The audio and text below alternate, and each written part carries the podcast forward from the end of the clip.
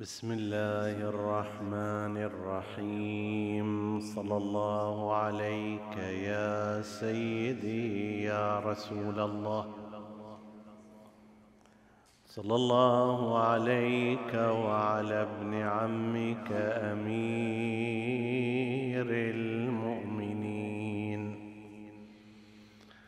وإمام المتقين. صلى الله عليك يا سيدي ويا مولاي. يا أبا عبد الله الحسين. ما خاب من تمسك بكم وأمن من لجأ إليكم. يا ليتنا كنا معكم فنفوز فوزا عظيما.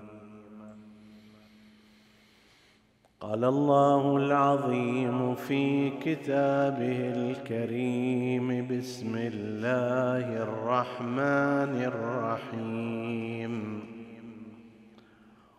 يا أيها الذين آمنوا أطيعوا الله وأطيعوا الرسول وأولي الأمر منكم فإن تنازعتم في شيء فردوه إلى الله والرسول إن كنتم تؤمنون بالله واليوم الآخر ذلك خير وأحسن تأويلا.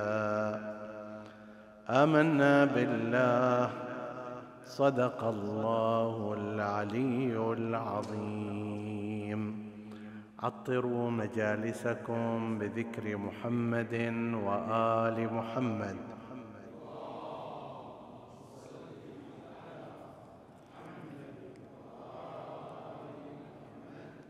اللهم صل على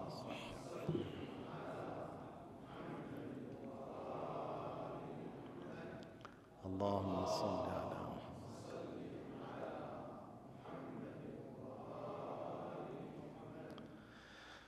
حديثنا بإذن الله تعالى في ضمن الحديث عن عترة النبي المعصومة يتناول هذه الليلة جانبا من الآيات والروايات التي تدل على لزوم العصمة في النبي والإمام. إذا تمت هذه الآيات والروايات وتم قبلها ما ذكرنا من الدليل العقلي على لزوم أن يكون النبي والإمام معصومين في المراحل الثلاث مرحلة تلقي الوحي وتبليغه ومرحلة عدم ارتكاب الذنب صغيره وكبيره ومرحلة التطبيق للواجبات على الأمور الخارجية وأثبتنا أنه في كل هذه المراحل العقل يحكم بأنه لا بد أن يكون النبي والإمام معصومين وإلا لألقى الله الناس أو بن لألقى الله بالناس في الخطأ والضلال. ولسلك بهم بدل طريق الجنة طريق النار. وهذا لا يمكن. اذا لا بد أن يكون النبي والإمام معصومين. وقد مر تفصيل هذا الكلام في ليلة مضت.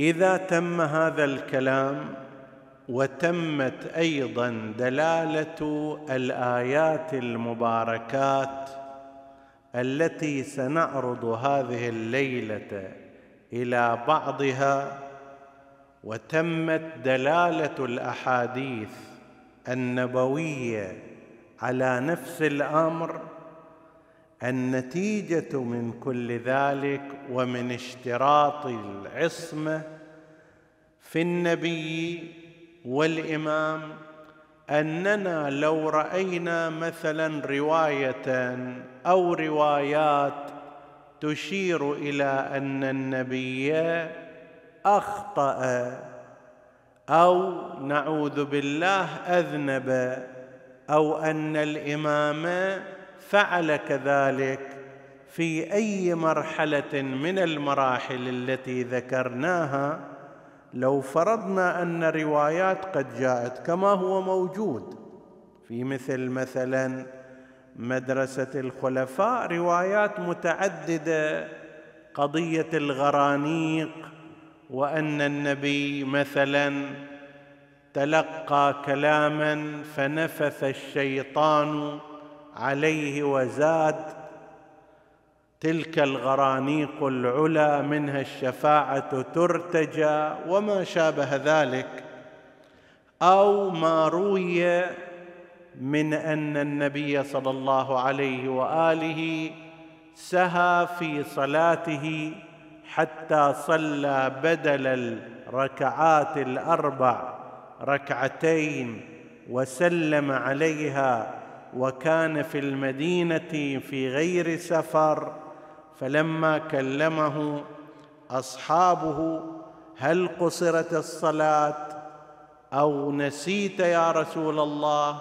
فقال ما قصرت وما نسيت كأنما الرواية تقول النبي مصر على أنه فعله صحيح مع أنه غلط. وهي الرواية المعروفة برواية ذي الشمالين أو ذي اليدين إلى تتمتها من النبي من أن النبي ناقشهم وقال لا ما صار قال له لا صار فكمل الصلاة بعد كل هالمناورات والمحاورات والكلام والأخذ والرد وكأن كل هذا لا يبطل الصلاة. وهي أيضا موجودة في بعض كتب الإمامية لكن سواء كانت موجودة في كتب الإمامية أو في كتب مدرسة الخلفاء ولو جاء بها عشرون راويا لا يعترف بذلك لقيام الدليل العقلي اولا ولقيام آيات القرآن ثانيا والروايات الكثيرة على أن النبي لا يسهو لا يخطئ لا يذنب وقد تقدم الأثر العملي.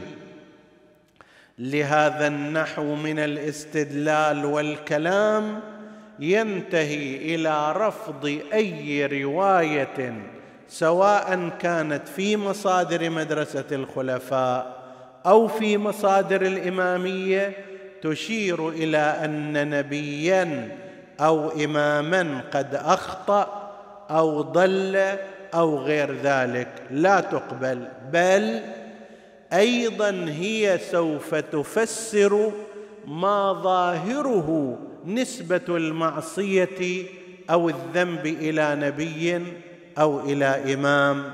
هناك في آيات القرآن الكريم بظاهرها بظاهرها مو بالضرورة معناه هكذا. ظاهر الكلام هكذا أن النبي الفلاني أذنب وعصى آدم ربه فغوى. وهكذا في مسألة هم يوسف بالمعصية كما ذكروا. وهكذا في قضية موسى عندما قال هذا من عمل الشيطان. وأمثال ذلك مما ظاهر الآيات نسبة المعصية والذنب إلى الأنبياء. هذه كلها ببركة ما قدمناه من الدليل العقلي والبرهان العقلي وببركة الآيات المباركات والسنة النبوية. ستقول لنا ظاهر هذه الآيات ليس هو معناها الحقيقي. كثيرا ما يحصل أن الإنسان يرى ظاهر نص بشكل ولكن معناه يكون حقيقة شكل آخر. فهي في جهتين هالطريقة من المسير اولا تشير إلى أن أي رواية وردت في كتب المسلمين فيها إشارة أو عبارة أو تصريح بأن النبي أو الإمام ارتكب ذنبا أو خالف الله سبحانه وتعالى أو خالف الواقع أيضا كل هذه الروايات تحذف ولا قيمة لها. طيب لا قيمة لها موسب إلى صاحبها. مثلا عندنا في بعض كتب الشيخ الصدوق رضوان الله تعالى عليه وهو علم من أعلام محدثي الإمامية وأحد من يعتمد على كتبه لكنه ليس معصوما العصمة لأهلها.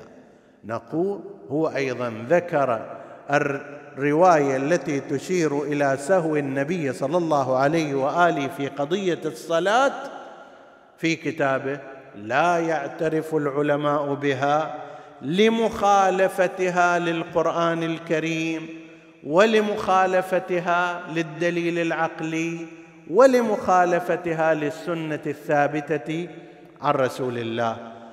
هل نتهجم على الشيخ الصدوق؟ لا. الشيخ الصدوق عالم فحل محدث خبير لكن في هذا المكان أخطأ. وإحنا ما عندنا تعهد أن علماءنا كلهم معصومون.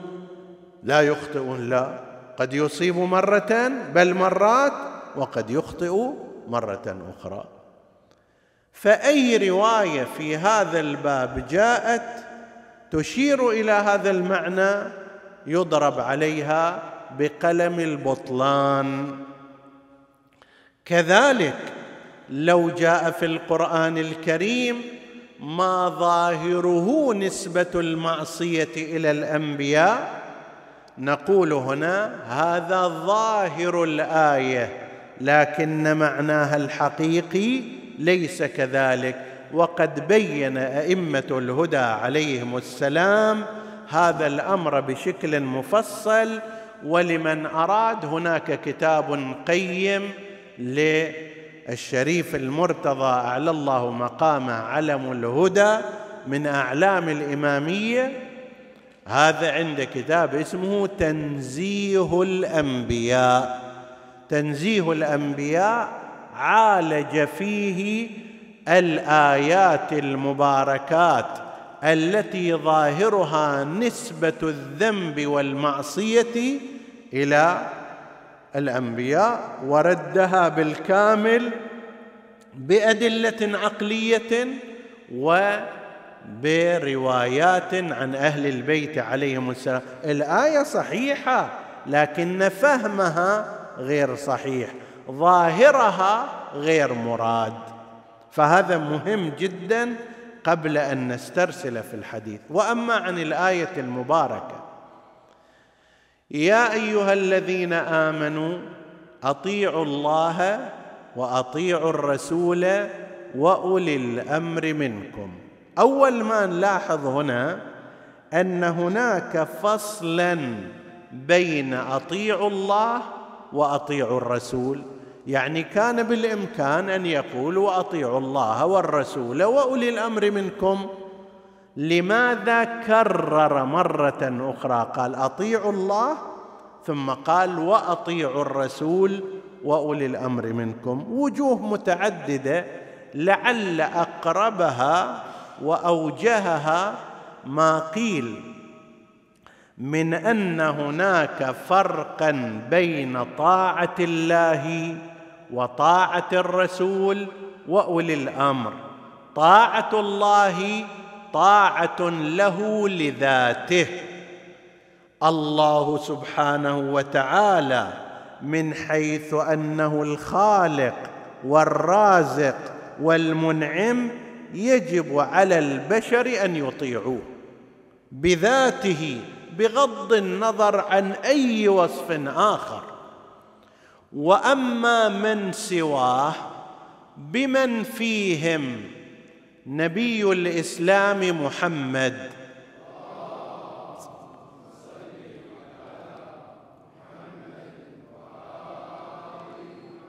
أو أوصياؤه الطاهرون فإن طاعة الناس إليهم طاعة جعلية لغيرهم. يعني الله أوجب طاعة النبي والإمام مو لأن اسمه محمد واسم ذاك علي وإنما لأنه رسول ولأن ذاك وصي لأجل رسالته عن الله نحن نطيعه. لأجل ولاية علي نحن نطيعه ولايته لله عز وجل وكونه وليا لله سبحانه وتعالى. فهذا طاعته اولا وبالذات وذاك طاعته بجعل الله وإيجاب الله عز وجل ولأنه من قبل الله. من يطع الرسول في الواقع فقد أطاع الله. ولذلك أيضا يلتزم بعصمة الرسول صلى الله عليه وآله لأنه لو قلنا هو غير معصوم يقول كل طاعة لله هي طاعة هو كل طاعة لرسول الله هي طاعة لله. فلو فرضنا أن العصمة ما موجودة وأمر الرسول بأمر خطأ تبين أن هذا الذنب والعياذ بالله. هل هذه طاعة لله؟ كلا.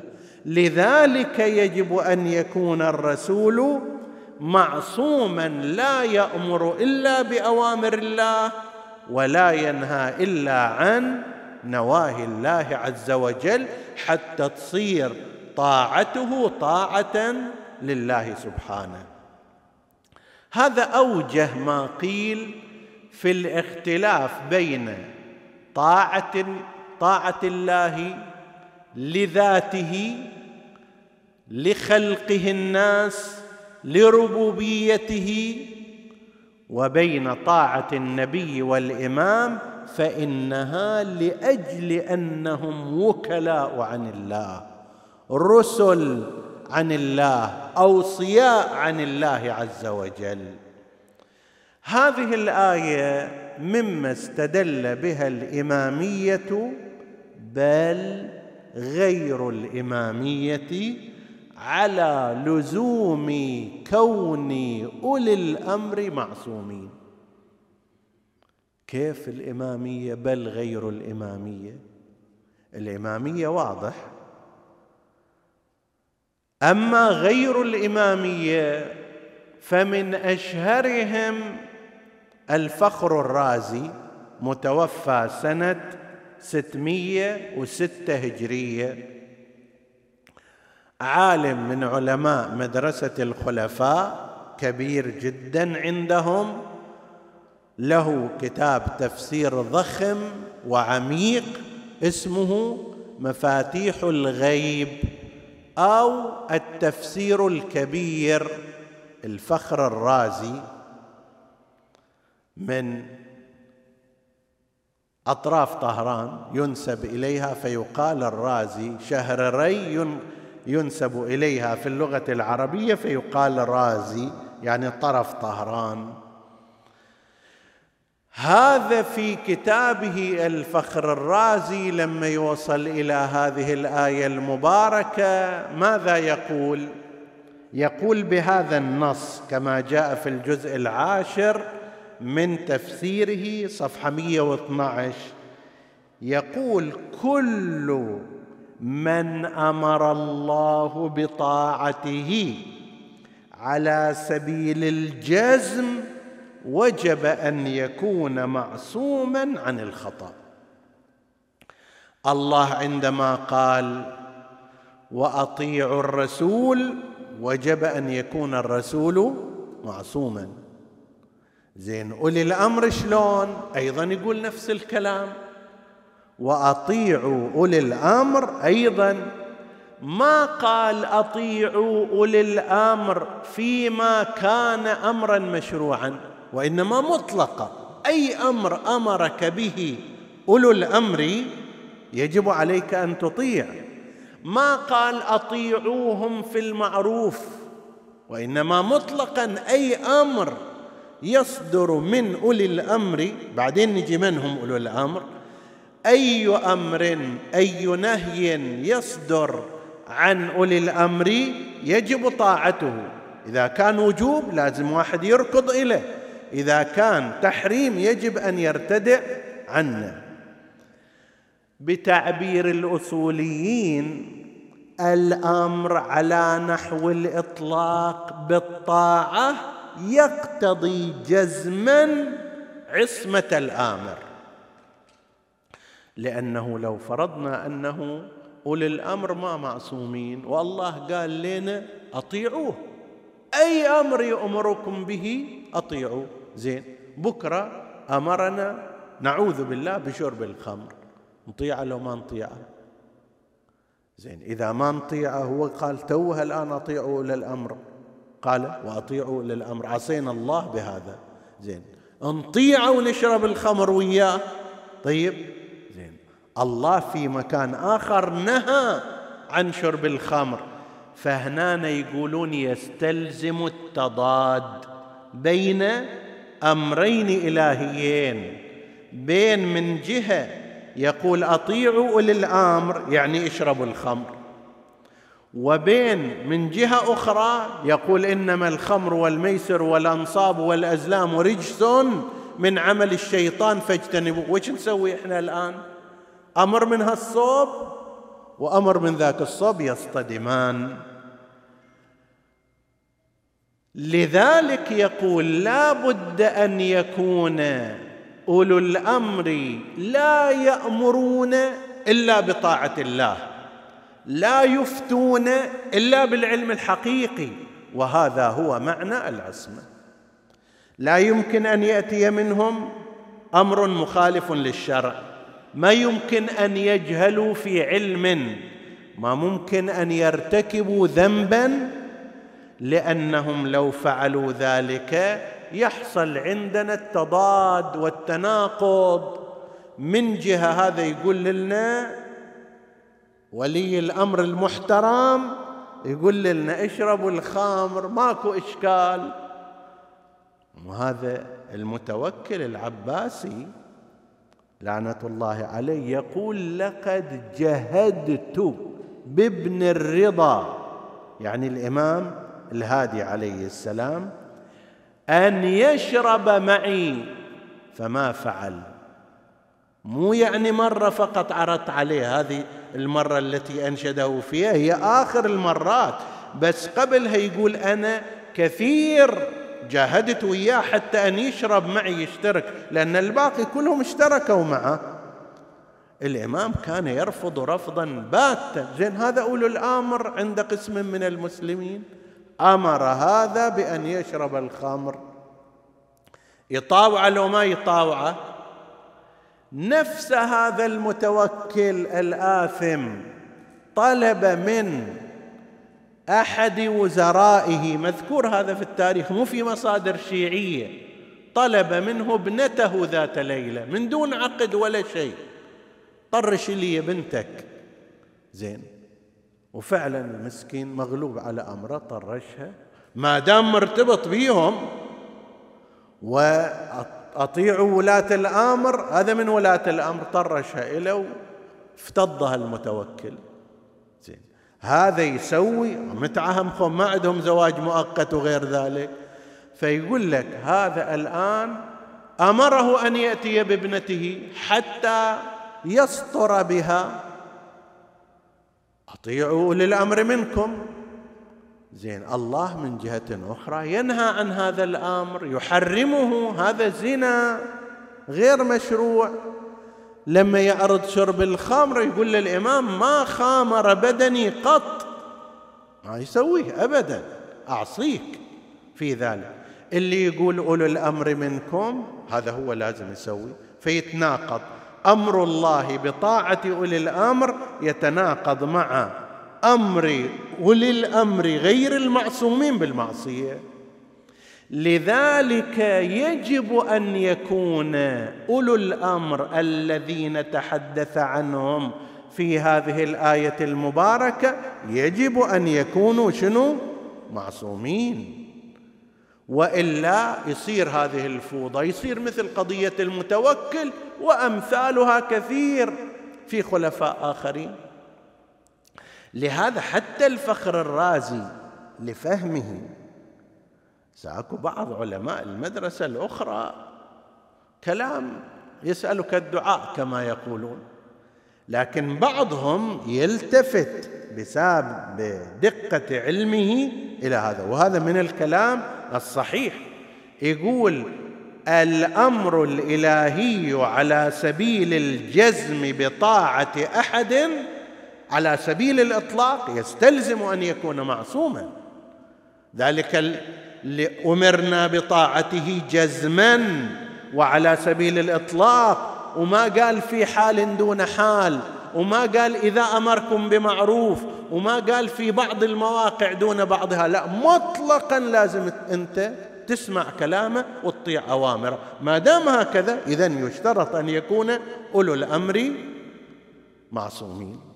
وهذا نفس الكلام الذي تقوله الشيعة الإمامية.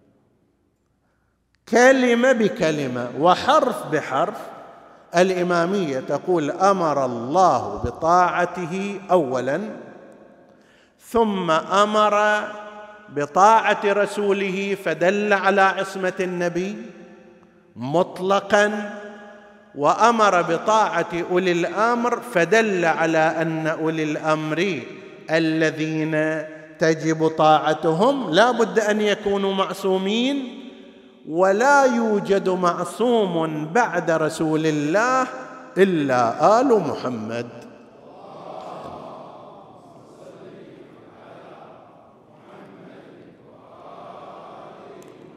هنا على القاعدة قضية الإمامية استدلالهم على القاعدة القسم الأول يشترك معهم فيه محققو مدرسة الخلفاء وعلماؤها الكبار.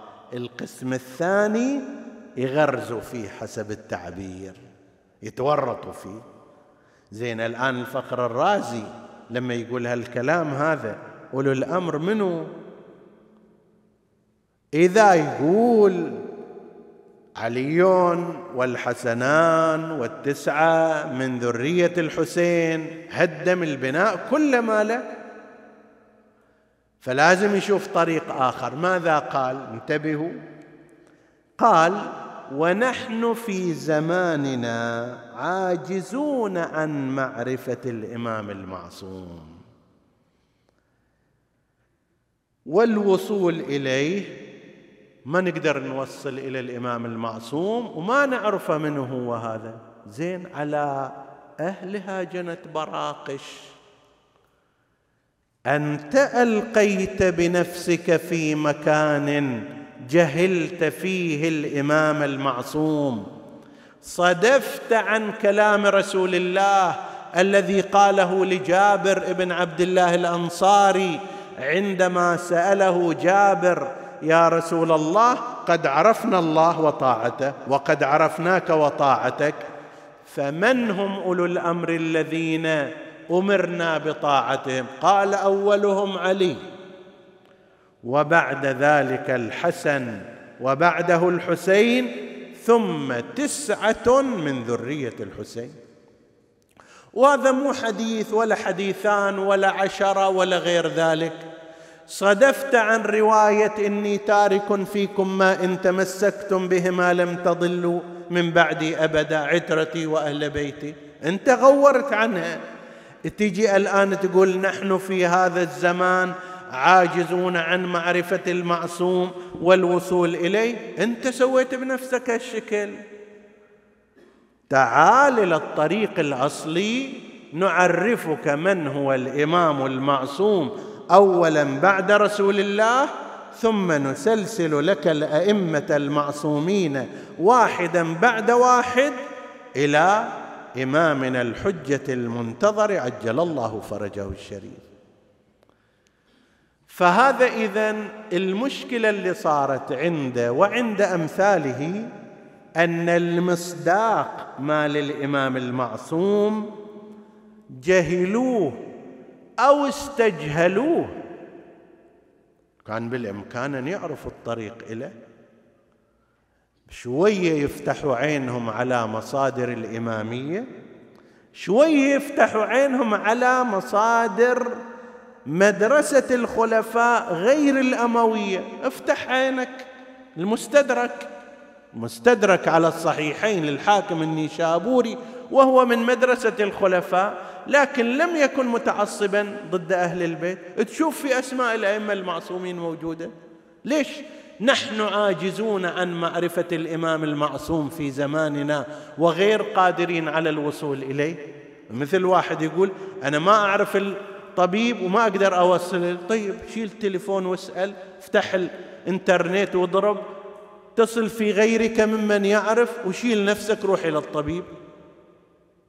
أما تغلق على نفسك الباب ولا تتحرك وتقول نحن عاجزون عن معرفة الإمام المعصوم لا معنى لذلك. زين إيش سوى في الأخير؟ قال ما دام الأمر هكذا فإذا يتعين الأخذ بأهل الحل والعقد. وأولي الأمر منكم يعني أهل الحل والعقد في الأمة فإذا اجتمعوا وقرروا رايا يتبين هذا الرأي رأي معصوم عن الخطأ. زين نسأل أهل الحل والعقد وين؟ في المدينة المنورة في مكة المكرمة في العراق في المغرب في مصر في إندونيسيا في باكستان في تركيا. وين أهل الحل والعقد؟ اللي إذا اجتمعوا كان رأيهم معصوما فأصبحت الأمة يقول بعدين منهم معصومة. نسأل أهل اترك هذا الموضوع أنه وين وكم عددهم وفي أي مكان. نسأل في الأحكام الشرعية هم نرجع لهم؟ يابا التضليل في الليل في وقت الإحرام هذا جائز أو محرم؟ نروح نسأل أهل الحل والعقد. هذا التاجر وذاك الوجيه وهذا الفقيه وذاك الكذا هذا التاجر وذاك الفقيه وهذا الطبيب. إيش مدريهم عن قضية التضليل؟ إذا اجتمعوا على رأي قالوا حرام تصير هذا هو المعصوم مالهم؟ هذا الرأي هو المعصوم؟ ياب في قضايا الحيض والنفاس والاستحاضة والأغسال والصلوات والشكوك والصيام والمفطرات. هم نجمع أهل الحل والعقد؟ زين. وننتظر اتفاقهم. إذا علماء غالبا لا يتفقون كل واحد إلى رأي واجتهاد. كما حصل عندهم. أربعة مذاهب هذه اللي صارت رسمية وإلا وصل في بعض الفترات إلى ثلاثين مذهبا. إلى زمان القادر بالله العباسي وصل عدد المذاهب والفقهاء اللي إلها أتباع ثلاثون. صار ثلاثين مذهبا في مدرسة الخلفاء. هذا معناه تعدد الآراء والاجتهادات متى يجتمع هذول العلماء وتصير رأي واحد وتصير الأمة معصومة من الخطأ في الأحكام الشرعية؟ ما ممكن. زين جربت الأمة الآن سالفة أهل الحل والعقد طول تاريخها؟ طول تاريخها جربت أهل الحل والعقد. جماعة هم الذين ما يرتضون سالفة أن هذا إمام منصوب من الله عز وجل. المهاجرون كم واحد منهم يجتمعون فيعينون خليفة صار أهل الحل والعقد. غيرهم كذلك بنو أمية يجتمعون فيما بينهم هم هم أهل حل وعقد ويرتبون خلافتهم كما يريدون. زين هاي الأمة الآن كانت معصومة عن الخطأ طول هالتاريخ هذا أو هي مجرد نظرية في الفراغ. وأوضح منه في الخلل ما ذكره صاحب منهاج السنة. ابن تيمية قال أنه أصلا ما نحتاج إحنا إلى إمام معصوم لأن عصمة الأمة كافية عن عصمته فالأمة هي معصومة. زين بناء على هذه الآية الأمة هي أولي الأمر وأطيعوا الله وأطيعوا الرسول وأولي الأمر منكم يعني الأمة. فالأمة هي مطيعة وهي مطاعة. أنا أطيعك وانت تطيعني وأنا أطيع هذا وانت تطيع ذاك وعلى هالمعدل. هل ترى صورة كاريكاتورية أكثر من هذا؟ الأمة معصومة. عجيب الأمة معصومة. كيف معصومة يعني؟ ما ترتكب ذنب تعرف الأحكام كما أنزلها الله عز وجل؟ وين تجلى عصمة الأمة في أي مكان؟ عندما اقتتلت وعندما احتربت وعندما برز بعضهم أمام بعض بالسيوف حتى في العصر الأول اللي أنتم تقولوا هو أفضل العصور. حرب الجمل وصفين والنهروان وين صارت هذه؟ مو في جزر الواقواق؟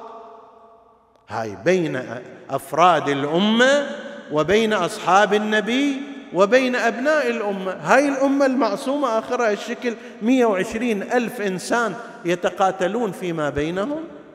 هاي عصمة الأمة؟ دع عنك سالفة الأحكام الشرعية وما شابه ذلك. الصحيح هو ما ذهب إليه فقهاء أهل البيت ومفسروهم النصف الأول الأمر على سبيل الجزم والإطلاق بطاعة أولي الأمر يقتضي أن يكون أولو الأمر معصومين والمعصومون هم واضحون.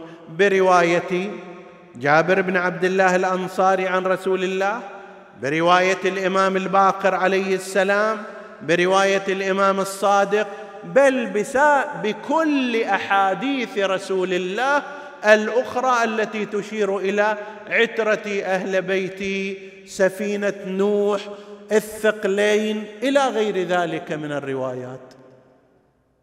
فهذا بالنسبة إلى الآية المباركة الأولى وأطيعوا الله وأطيعوا الرسول وأولي الأمر منكم. تقتضي هذه الآية المباركة أن يكون أولو الأمر معصومين من كل ذنب وجهل وخطأ. وعند الإمامية الأمر واضح. عند غيرهم لازم يجيبوا على إشكالات لها أول وليس لها آخر وليس لها جواب. من الآيات التي قد يستدل بها ونحن لا نريد أن نبحثها بحثا طويلا هي آية التطهير. إنما يريد الله ليذهب عنكم الرجس أهل البيت ويطهركم تطهير أنا بس أشير إلى بعض اللفتات فيها لأن أصل الآية واضح لكن هناك إشكال قد يذكره بعضهم. ففي بهذه اللفتات إن شاء الله ينحل أنه هذه الآية نظرا لأنها قد جاءت في وسط آيات حول زوجات رسول الله صلى الله عليه وآله فهي اذا ناظرة إما إلى الزوجات أصلا وإما الزوجات داخلات في هذه الآية المباركة. ليش؟ لأن السياق قرينة على المراد. اولا أكو بحث قرآني واسع. هل أن السياق دليل أو غير دليل؟ والرأي المختار أنه ليس بدليل. أحد القرائن ما لم يكن هناك خلاف له. نجي إلى هنا. كما أن السياق هنا قرينة هناك قرينة أعظم على أن هذه الآية لا يدخل فيها نساء النبي. وهو تغيير الضمائر فيها فقط دون غيرها. يا نساء النبي لستن كأحد من النساء. إن اتقيتن لاحظوا كل نون النسوة موجودة. لستن كأحد من النساء. إن اتقيتن فلا تخضعن بالقول وقلن. نون النسوة. وقلن قولا معروفا. واذكرن ما يتلى في بيوتكن من آيات الله. كذا كذا إلى أن يقول إنما يريد الله ليذهب مو عنكن وإنما عنكم. مو ويطهركن وإنما يطهركم تطهيرا. إيش معنى تغير الخطاب؟ كل هالآيات كل ضمير فيها نون النسوة لستن اتقيتن لا تخضعن قلن اذكرن إلى آخره. لما اجى هنا صار الضمير يذهب عنكم يطهركم. مو يطهركن ولا يذهب عنكن. قالوا في اللغة العربية البلاغة إذا كان الذكور أكثر من من الإناث يصح أن يذكر حتى لو كان فيهم أنثى فيهم أنثى الآن هذول المخاطبين بالتطهير فيهن فاطمة عليها السلام.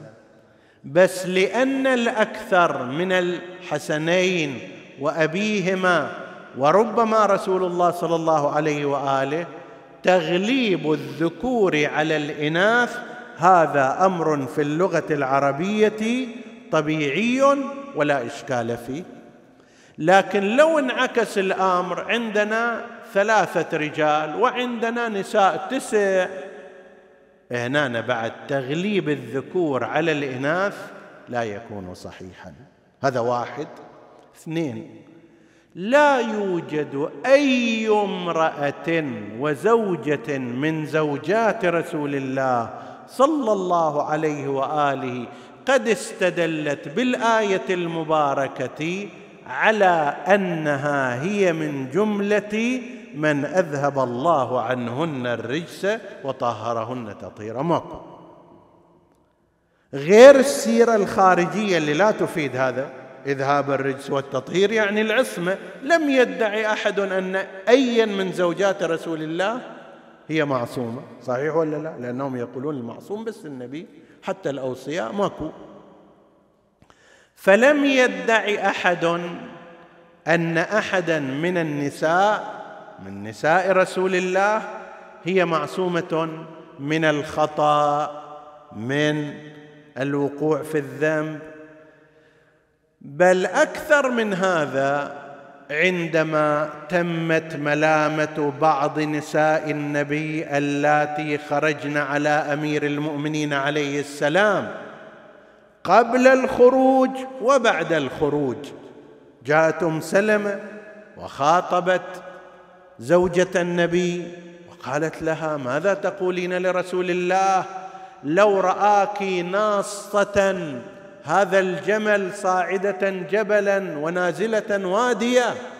تقولين أسهل شيء كانت زوجة النبي تستطيع أن تقول شنو هالكلام؟ مالش أنا من الذين أذهب الله عنهم الرجس وطهرهم تطهيرا. تشالك أنا عملي صحيح. تشكو؟ أسهل جواب هذا. قال المؤرخون أيضا أن زوجة النبي صلى الله عليه وآله بعد الجمل ندمت وبكت في بعض المنقولات التاريخية. ما لازم واحد يتندم ولا يبكي. ليش؟ لأن عمله ما دام معصوما وقد أذهب عنه الرجس وطهر تطهيرا والخطأ ماكو من عنده ماكو داعي لل... لل... للألم ولا للفزع. هذا شغل إنسان معصوم. والحال أنه ليس كذلك. فهم من خلال آيات القرآن الكريم ولحن كلماته وهم من الناحية الواقعية والسيرة الخارجية لم يدعي أحد لأي أحد من نساء رسول الله. اترك الساعة أنك ذولاك زوجات النبي المغمورات سودة ابن زمعة وما أدري ميمونة بنت الحارث وفلانة وفلانة لا حتى كبيرات نساء النبي.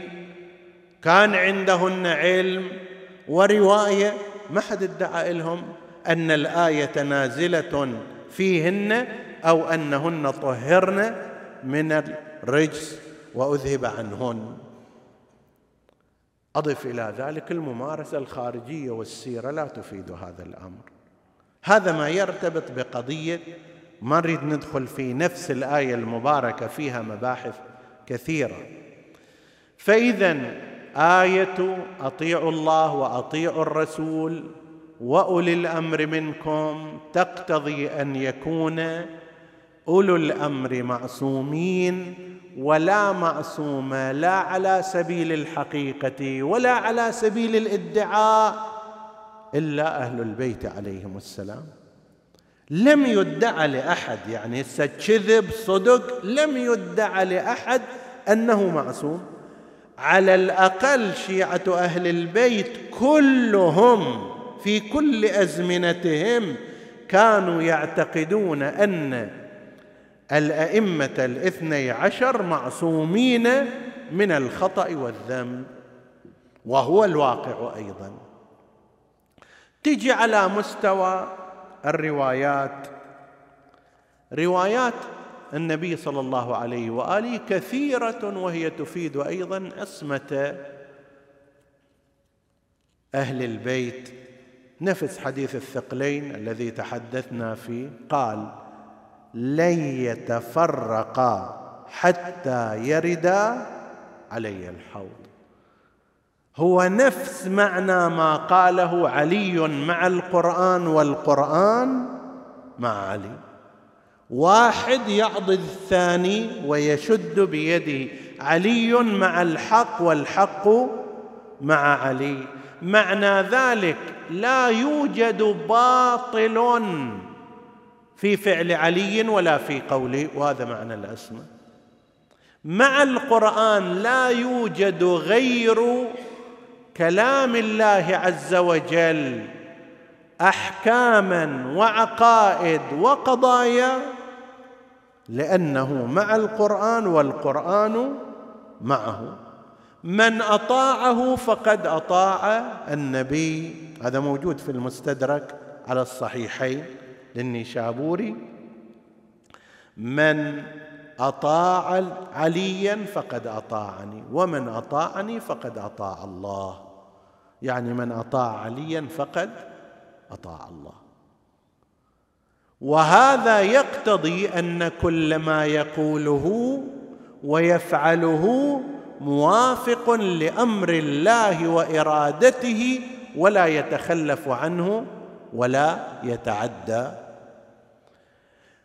نعم أتباع الخط الأموي إجوا قالوا الحديث من أطاع الأمير فقد أطاعني أو في مكان آخر من أطاع أميري فقد أطاعني. من أطاع الأمير بالذات كلش هذا بعد مشكل يعني مصيبة. الأمير أي أمير بالتالي؟ وبالتالي إذا هذا اللي جبنا ذكره أطاع المتوكل العباسي في شرب الخمر فقد أطاع الله. لما يشرب الخمر أيضا هو مطيع لله. من أطاع الأمير فقد أطاعني الأمير هذا. قال له اشرب الخمر. فشربه للخمر طاعة لرسول الله. وطاعة رسول الله طاعة لله. أرأيت منطقا أكثر بؤسا من هذا؟ نعم من أطاع عليا نفس من كنت مولاه فهذا علي مولاه. ونفسه علي مع الحق ونفسه علي مع القرآن ونفسه لن يتفرقا حتى يرد علي الحوض ونفسه لن تضلوا ما إن تمسكتم بهما. كل هذه الأحاديث واحدها يأخذ بيد الآخر لكي يثبت عصمة أهل البيت عليهم السلام. نسأل الله أن يثبتنا على ولايتهم وأن يرزقنا شفاعتهم. إنه على كل شيء قدير. هاي العصمة مو أي عصمة أيضا. العصمة الضرورية المصطلحه في علم الكلام هي اللي نتكلم عنها وإلا من الممكن أن يرتقي الإنسان برياضته لنفسه وجعلها على الجادة إلى درجات عالية. بعض العلماء نقل عن أستاذه قال أنا في طيلة حياتي لم أر من هذا فعل مكروه. مو ذنب. لا مكروه ما شفت طلع منه. ممكن. الأوحدي من الناس كما يقولون. مو بعيد هذا. أنا مثلي وأمثالي أخضع للشهوة والهوى والغضب والانفعال والجهل والعصبية والى غير ذلك لكن ذاك راض نفسه. قدر عليها رباها ضغطها حتى صارت طوع إرادته مو هو طوع إرادة نفسه. مو شهواته اللي تقوده هو مسيطر على شهوات. أكو هالشكل أناس. لا يبعد أن بعض الأصحاب من مثل سلمان المحمدي وأمثاله كانوا هكذا. لا يبعد بل هو الواقع.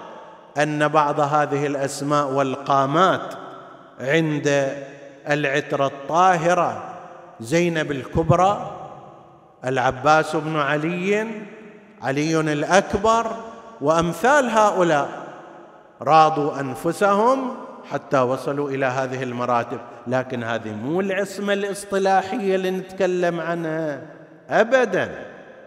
لأن هذه العصمة التي نتكلم عنها مقارنة للإمامة أو للنبوة وهي لطف رباني بالإضافة إلى كونها فعل بشري هي لطف رباني من أجل هداية الناس. أن يكون إنسان عنده هذه القدرات ويسعى في مدارج التقوى والكمال يحصل.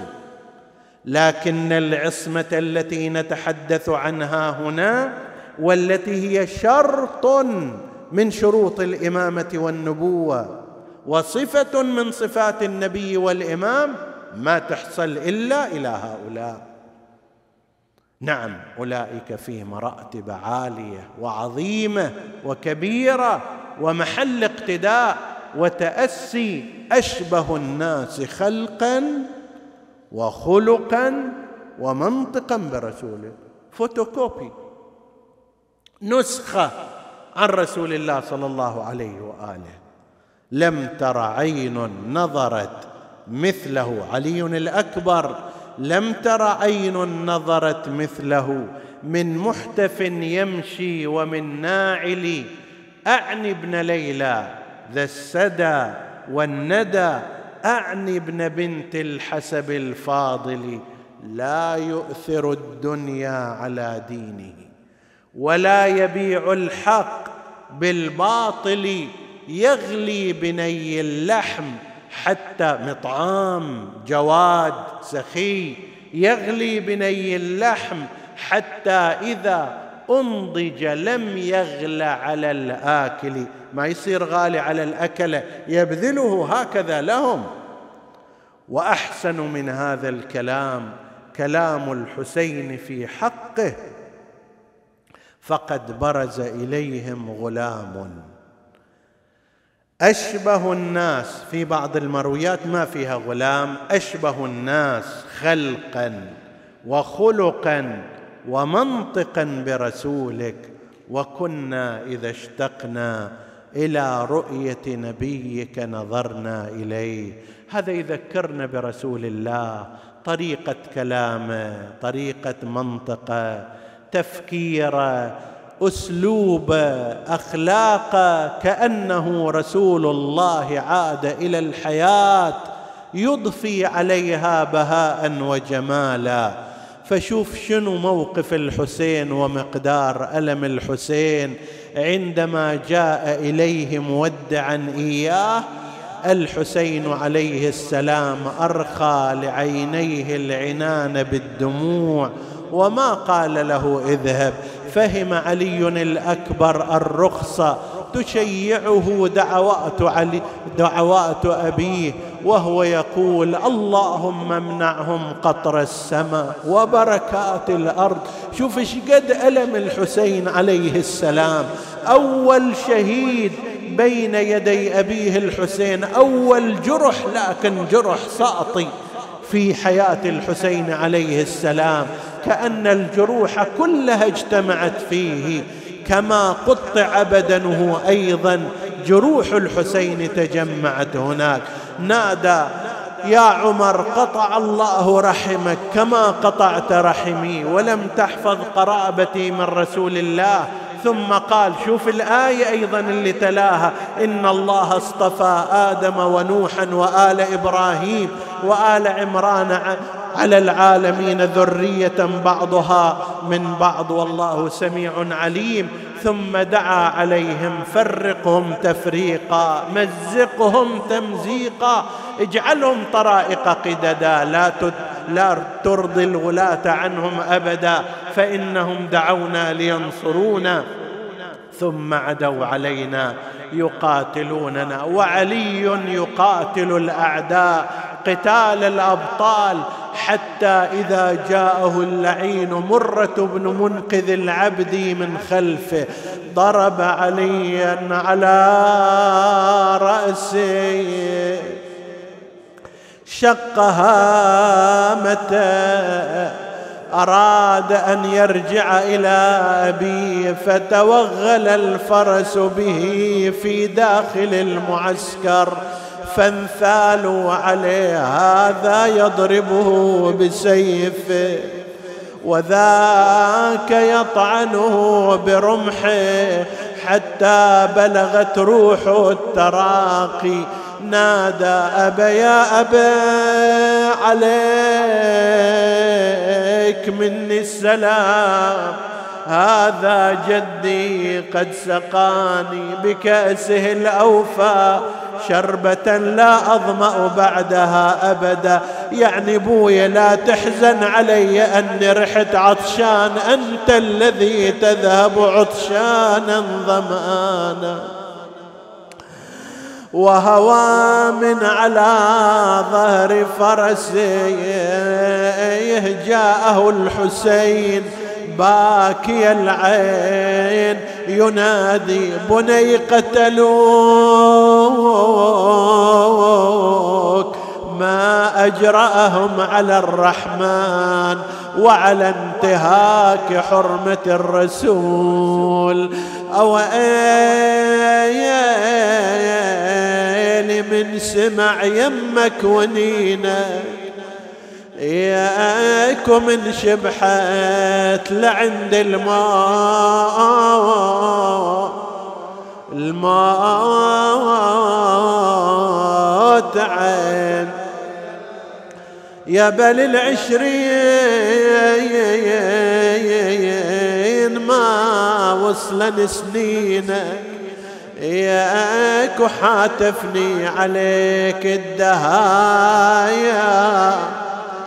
يا آيار لق الشاء أبونا هل لك عودة حتى أقول مسافر كنت السواد لناظري. فعليك يبكي الناظر. نسألك اللهم وندعوك باسمك العظيم الأعظم. الأعز الأجل الأكرم يا الله اغفر لنا ذنوبنا كفر عنا سيئاتنا آمنا في أوطاننا. لا تسلط علينا من لا يخافك ولا يرحمنا. ولا تفرق بيننا وبين محمد وآله طرفة عين. فض اللهم إخواني السامعين فردا فردا واقض حوائجهم. اشف اللهم مرضاهم. لا سيما المرضى المنظورين ومن أوصانا بالدعاء. وتقبل اللهم عمل المؤسسين بأحسن القبول إلى أرواح موتاهم وموتى السامعين نهدي ثواب الفاتحة تسبقها الصلوات